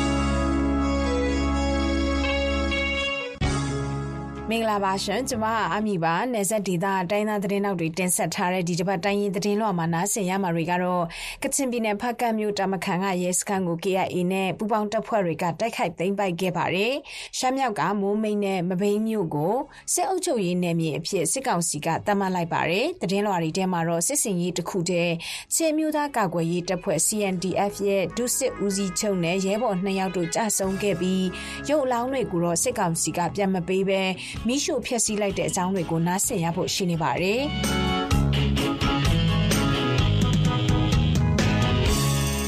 ကျမကနန်းဟော်မှာရှင်သတင်းတွေကိုကိုရောဘတ်နဲ့အတူတင်ဆက်ပေးသွားမှာပါ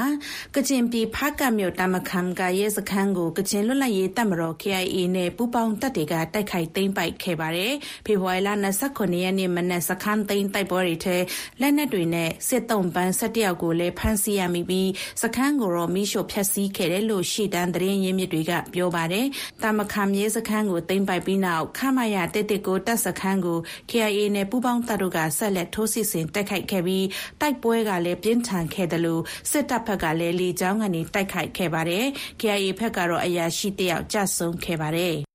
ရှမ်းမြောက်ဒေသတွေက မိုးမိတ်နဲ့ မဘိမ်းမြို့ကို စစ်အုပ်ချုပ်ရေးနယ်မြေအဖြစ် သတ်မှတ်လိုက်ကြောင်း စစ်ကောင်စီက ဖေဖော်ဝါရီလ28ရက်နေ့ ညနေပိုင်းမှာ ထုတ်ပြန်လိုက်ပါတယ်။မဘိမ်းမြို့က ကချင်လွတ်လပ်ရေးတပ်မတော် KIA ရခိုင်တပ်တော် AA နဲ့ တော်လှန်ရေးအားစုတွေ တိုက်ခိုက်သိမ်းပိုက်ထားတဲ့ မြို့ဖြစ်တယ်လို့မိုးမိတ်မြို့ကိုတော့ ပြီးခဲ့တဲ့ ဇန်နဝါရီလလယ်မှာ KIA နဲ့ တော်လှန်ရေးအားစုတွေ ဝင်ရောက်တိုက်ခိုက်ခဲ့တဲ့မြို့ ဖြစ်ပါတယ်။တရားဥပဒေစိုးမိုးရေးနဲ့ အေးချမ်းသာယာရေးကိုပူပြီး ထိရောက်အောင် ဆောင်ရွက်နိုင်ဖို့အတွက် စစ်အုပ်ချုပ်ရေး ကြီးညာရတာလို့ ထုတ်ပြန်ထားပါတယ်။ အခုရက်ပိုင်းအတွင်း ရခိုင်ပြည် စစ်တွေမြို့ကိုရခိုင်တပ်တော် AA က ဝင်ရောက်တိုက်ခိုက်မယ်လို့ သတင်းတွေ ထွက်ပေါ်နေတဲ့အတွက်တိမ့်နဲ့ချီတဲ့ ဒေသခံတွေပေးလို့ရကို ထွက်ပြေးတိမ်းရှောင်နေကြရတယ်လို့ ဒေသခံတွေက ပြောပါတယ် စစ်တွေမြို့ခံတွေနဲ့ အနီးနားရွာတွေက ဒေသခံများစုမှာ AA ထိန်းချုပ်ရာ လွတ်မြောက်နေရာကို ရေချောင်းကနေ ထွက်ပြေးနေကြသလို တချို့ကလည်း ရန်ကုန်အပါအဝင် တခြားမြို့ကို တိမ်းရှောင်သွားကြတယ်လို့ မြောက်ဦးမြို့နယ်ကို ရောက်နေတဲ့ စစ်တွေမြို့ခံ လူငယ်တယောက်က ပြောပါတယ် လက်ရှိချိန်ထိ စစ်တွေမြို့မှာဖုန်းနဲ့အင်တာနက်လိုင်းတွေ ပြတ်တောက်နေသလို လျှက်စစ်မီးလည်း ပြတ်တောက်နေပါတယ် စစ်ကောင်စီဘက်ကလည်းရခိုင်တပ်တော် စစ်တွေမြို့ထဲ အလွယ်တကူ မဝင်နိုင်အောင် မြို့အဝင် မင်းချောင်းတရားကို မကြသေးမီကဘုံခွဲဖျက်ဆီးထားတယ်လို့တပ်အရာရှိမိသားစုတွေနဲ့ ဌာနဆိုင်ရာအကြီးအကဲ မိသားစုဝင်တွေကိုလည်း ရန်ကုန်ဘက်ကို ပြောင်းရွှေ့ထားတယ်လို့ သတင်းတွေ ထွက်ပေါ်နေပါတယ် ရှမ်းပြည်တောင်ပိုင်းစီဆိုင်မြို့ဟိုပုံးမြို့နဲ့မိုင်းပုံမြို့တို့မှာစစ်ကောင်စီတပ်ပအုပြည်သူစစ် PNO ပူးပေါင်းတပ်နဲ့ပအုအမျိုးသားလွတ်မြောက်ရေးတပ်တို့အကြားတိုက်ပွဲတွေပြင်းထန်လာပြီးနောက်လမ်းမကြီးတွေပြတ်တောက်ပြီး73စီတွေစတင်ပြက်လက်နေပြီဖြစ်ပါတယ်။နှစ်ဖက်ကြားတိုက်ပွဲပြင်းထန်လာတဲ့တပတ်တာကာလအတွင်းရှမ်းပြည်တောင်ပိုင်းရဲ့အဓိကလမ်းမကြီးပြတ်တောက်သွားပြီးနောက်73စီတွေပါစတင်ပြက်လက်လာတာဖြစ်ပါတယ်။ဖေဖော်ဝါရီလ21ရက်ကစပြီးဒီနေ့ချိန်ထိရှမ်းပြည်တောင်ပိုင်းအရှိပိုင်းကနေမြို့တော်တောင်ကြီးကိုတက်မဲ့အဓိကလမ်းမကြီးနဲ့မိုင်းပွန်မြို့အဝင်ရောအထွက်ပါပိတ်ထားတာဖြစ်ပါတယ်။ဖေဖော်ဝါရီလ29ရက်နေ့မှာတော့ဟိုပုံးကနေခွဲပြီးပင်လုံမြို့အထိပေါက်တဲ့ကြောက်တန်းရွာဖြတ်လန်းကိုလည်းစစ်တပ်ကထပ်ပိတ်လိုက်လို့ကုန်စည်စီးဆင်းမှုပါပြတ်တောက်နေပါတယ်။73စီတလီတာဈေးနှုန်းကျပ်တစ်ထောင်အထိထိုးတက်သွားပါတယ်။ စကိုင်းတိုင်း ကလေးမြို့မှာ ဖေဖော်ဝါရီလ21ရက်နေ့ကစလို့ စစ်တပ်နဲ့ ပြည်သူ့ကာကွယ်ရေး ပူးပေါင်းတပ်ဖွဲ့တို့အကြား တိုက်ပွဲတွေ ပြင်းထန်ဖြစ်ပွားနေပြီး စစ်ကောင်စီရဲ့ လက်နက်ကြီးနဲ့ ပစ်တက်မှုကြောင့် အရက်သားပြည်သူအ ਨੇ ဆုံး10ယောက်လောက် သေဆုံးသွားပါတယ်။ဖေဖော်ဝါရီလ21ရက်နေ့ကနေ28ရက်နေ့အထိ တပတ်အတွင်း စစ်ကောင်စီတပ်ဖွဲ့ရဲ့ လက်နက်ကြီးပစ်ခတ်မှုကြောင့် အရက်သားပြည်သူတွေနေထိုင်တဲ့ ရပ်ကွက်ထဲကြားရောက်ပောက်ကွဲမှုကြောင့် အမျိုးသမီး ၄ ယောက် အပါအဝင် အရက်သားပြည်သူ9ယောက် သေဆုံးခဲ့ပါတယ်။ဒါအပြင် စစ်ကောင်စီတပ်ဖွဲ့ကဗိုလ်ချုပ်လမ်းမပေါ်မှာကင်းလှည့်ရင်းတနက်ပစ်ဖောက်မှုကြောင့် အရက်သားပြည်သူ ၃ ယောက် သေဆုံးခဲ့တယ်လို့ ဒေသခံတွေက ပြောပါတယ်။ မွန်ပြည်နယ်တပြည်နယ်လုံးမှာပထမဆုံးအသုတ်အနေနဲ့လူငယ်အယောက်900လောက်စစ်မှုထမ်းရမှာဖြစ်တယ်လို့စစ်ကောင်စီခန့်မွန်ပြည်နယ်ဝန်ကြီးချုပ်ဦးအောင်ကြည်သိန်းကပြောဆိုလိုက်ပါတယ်။ပြည်နယ်ရဲ့ရက်ကွက်ကြီးရွာအုပ်စု480လောက်ရှိတာကြောင့်လူငယ်900ဟာပထမသုတ်မှာစစ်မှုထမ်းရမှာဖြစ်တယ်လို့ဘလူးကျွန်းချောင်းစုံမြို့နယ်ကလူငယ်48ယောက်ကလာမယ့်မေလမှာစစ်မှုထမ်းရမယ်ဆိုပြီးပြည်နယ်ဝန်ကြီးချုပ်ဦးအောင်ကြည်သိန်းကချောင်းစုံမြို့နယ်နေကြာစိုက်တောင်သူတွေနဲ့တွေ့ဆုံပွဲမှာပြောဆိုခဲ့ပါတယ်။လက်တလုံးမှာတော့မော်လမြိုင်မြို့ပေါ်နဲ့ချောင်းဆုံမြို့နယ်တွေမှာစစ်မှုထမ်းဥပဒေဆိုင်ရာဝါဒဖြန့်လက်ကမ်းစာစောင်တွေကိုဌာနဆိုင်ရာဝန်ထမ်းတွေကလိုက်ဝေနေကြပါတယ်။ အခုဆက်ပြီးသတင်းလွှာတွေကိုတင်ဆက်ပြီးသွားမှာပါ။စကိုင်းတိုင်းကလေးမြို့နယ်ကစစ်စင်ရေးတစ်ခုမှာခြုံခိုတိုက်ခိုက်ခံခဲ့ရလို့ချင်းမျိုးသားအဖွဲ့ချုပ်ချင်းမျိုးသားကာကွယ်ရေးတပ်ဖွဲ့ CNO CNDF ရဲ့ဒုစစ်ဦးစီးချုပ်နဲ့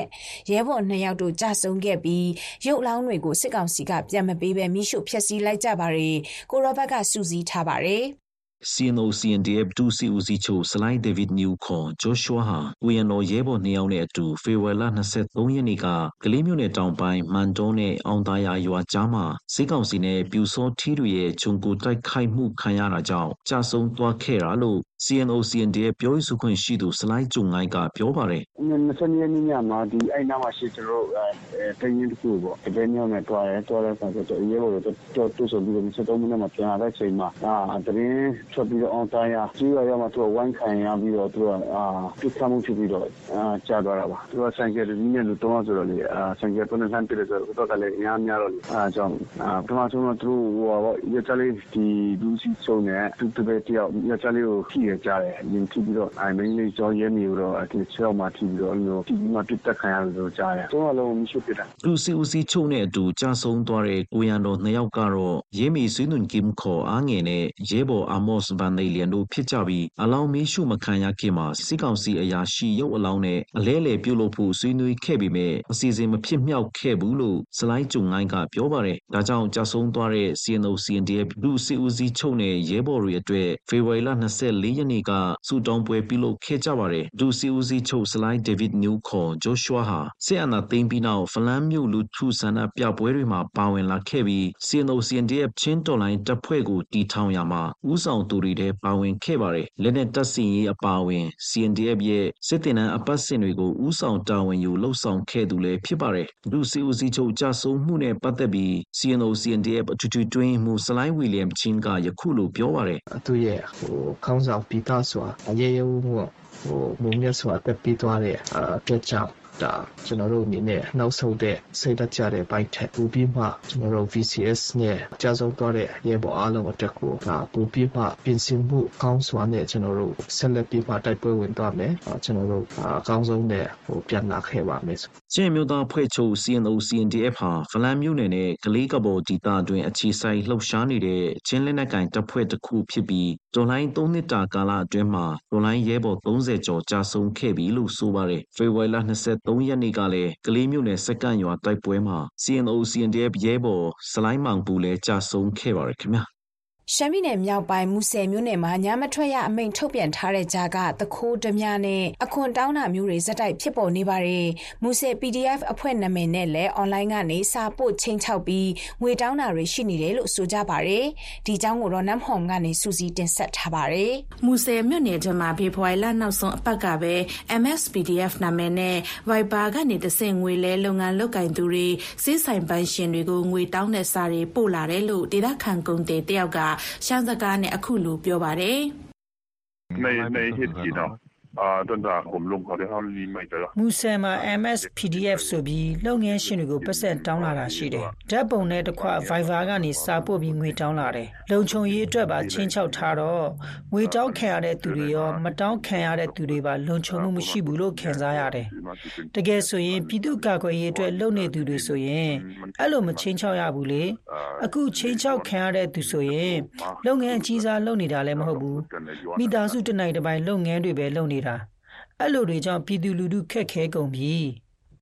အဲ့ဒီငွေတောင်းစာထဲမှာငွေတောင်းခံရသူရဲ့တပ်ပုံနဲ့ဖုန်းနံပါတ်တွေပါထည့်ထားသလိုလုပ်ငန်းပေါ်မူတည်ပြီးတော့မှငွေကျပ်သိန်း90ကနေကျပ်သိန်း100ကြားတောင်းနေတာဖြစ်ပါတယ်။တောင်းတဲ့ငွေကိုမပေးရင်တော့နောက်ဆက်တွဲဖြစ်ပေါ်လာမဲ့ပြဿနာတွေကိုတာဝန်မယူဘူးလို့လည်းချင်းချောက်ရေးသားထားပါတယ်။ငွေလွှဲပေးဖို့အတွက်ဆက်သွယ်ရမယ့်ဖုန်းနံပါတ်ကိုလည်းထည့်ထားပါတယ်။ MSPDF နာမည်နဲ့အခုလိုတောင်းလာပေမဲ့တကယ်ဟုတ်မဟုတ်ကိုတော့မသိရသေးပါဘူး။ဒါ့အပြင်ညမထွက်ရအမိန့်ထုတ်ထားတဲ့မူဆယ်မြို့မှာ စစ်သားတွေနဲ့ ရဲတွေက ကားတွေ ဆိုင်ကယ်တွေနဲ့တွာလာနေတဲ့ကြားကပဲတခိုးတပြတွေလည်း ပေါ်လာနေတယ်လို့ ဆိုပါတယ်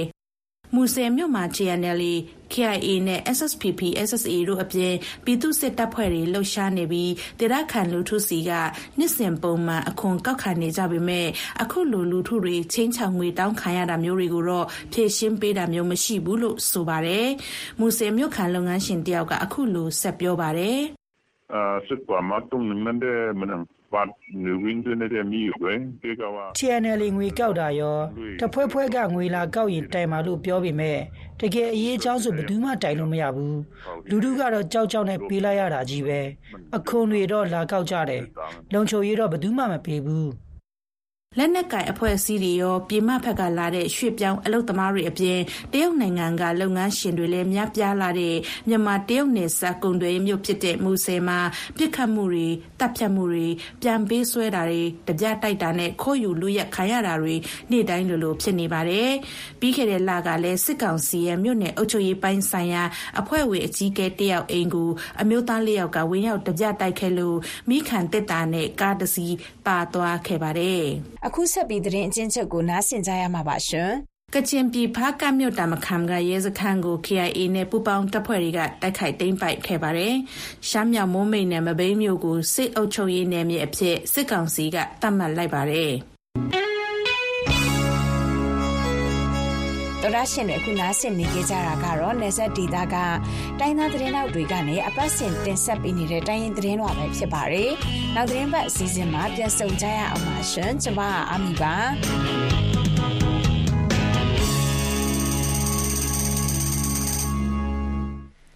ပတ်စင်ကဏ္ဍတွေကတော့ဒီလောက်ပါပဲခင်ဗျာ VOA American တန်ကိုစာရေးခြင်းနဲ့ဆိုရင်ကျွန်တော်တို့ email လိပ်စာက burmese@voanews.com ဖြစ်ပါတယ်အခုတော့သတင်းအချင်းချုပ်ကိုပြောပြပါမှာပါဗျာ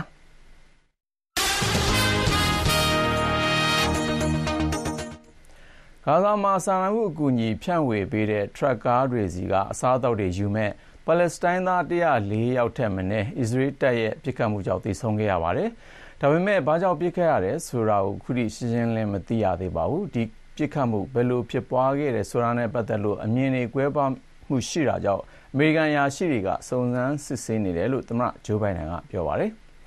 အနောက်နိုင်ငံတွေက ပစ်မှတ်တွေကို ပစ်ခတ်နိုင်တဲ့ လက်နက်တွေ ရုရှားဆီမှာ ရှိနေတာဖြစ်ပြီး တကယ်လို့ ယူကရိန်းကို အနောက်နိုင်ငံတွေက တပ်တွေ စေလွှတ်ခဲ့မယ်ဆိုရင် နျူကလီးယားစစ်ပွဲ စတင်မယ့် အန္တရာယ်ရှိကြောင်း ရုရှားသမ္မတ ပူတင်က သတိပေးလိုက်ပါတယ်။စစ်ရေးမှာ နျူကလီးယားလက်နက် အန္တရာယ်ရှိတာကို အနောက်နိုင်ငံတွေက နားလည်ဖို့လိုကြောင်း သမ္မတပူတင်က ပြောပါတယ်။အမေရိကန် ကာကွယ်ရေးဝန်ကြီး Lloyd Austin ဟာ ကင်ဆာရောဂါကြောင့် ဒီနှစ်ဆန်းပိုင်း ဆေးရုံတက် ကုသမှုခံယူတဲ့ကိစ္စကို သမ္မတအိမ်ဖြူတော်ကို အကြောင်းကြားရာတွေမရှိဘူးလို့အမေရိကန်လွှတ်တော်တွေကဝေဖန်လိုက်ကြပါတယ်ခင်ဗျာသတင်းအချင်းချုပ်ကတော့ဒီလောက်ပါပဲခင်ဗျာဒီကနေ့မနက်ခင်းအတွက်အစီအစဉ်ထုတ်လုပ်ရမှုကတော့ကိုစုံမှုကျော်ဖြစ်ပါတယ်ရုပ်သံပိုင်းဆိုင်ရာဒရိုက်တာကတော့ James Smith ဖြစ်ပါတယ် VOA မနက်ခင်းအစီအစဉ်တွေကိုမနက်9:00နာရီအထိထုတ်လွှင့်ခဲ့တာဖြစ်ပါတယ်ခင်ဗျာ VOA ချစ်မိတ်ဆွေများနဲ့တကွမြန်မာပြည်သူပြည်သားအားလုံးဘေးကင်းလုံခြုံကြပါစေကျွန်တော်ညံဝင်းအောင်ပါခင်ဗျာ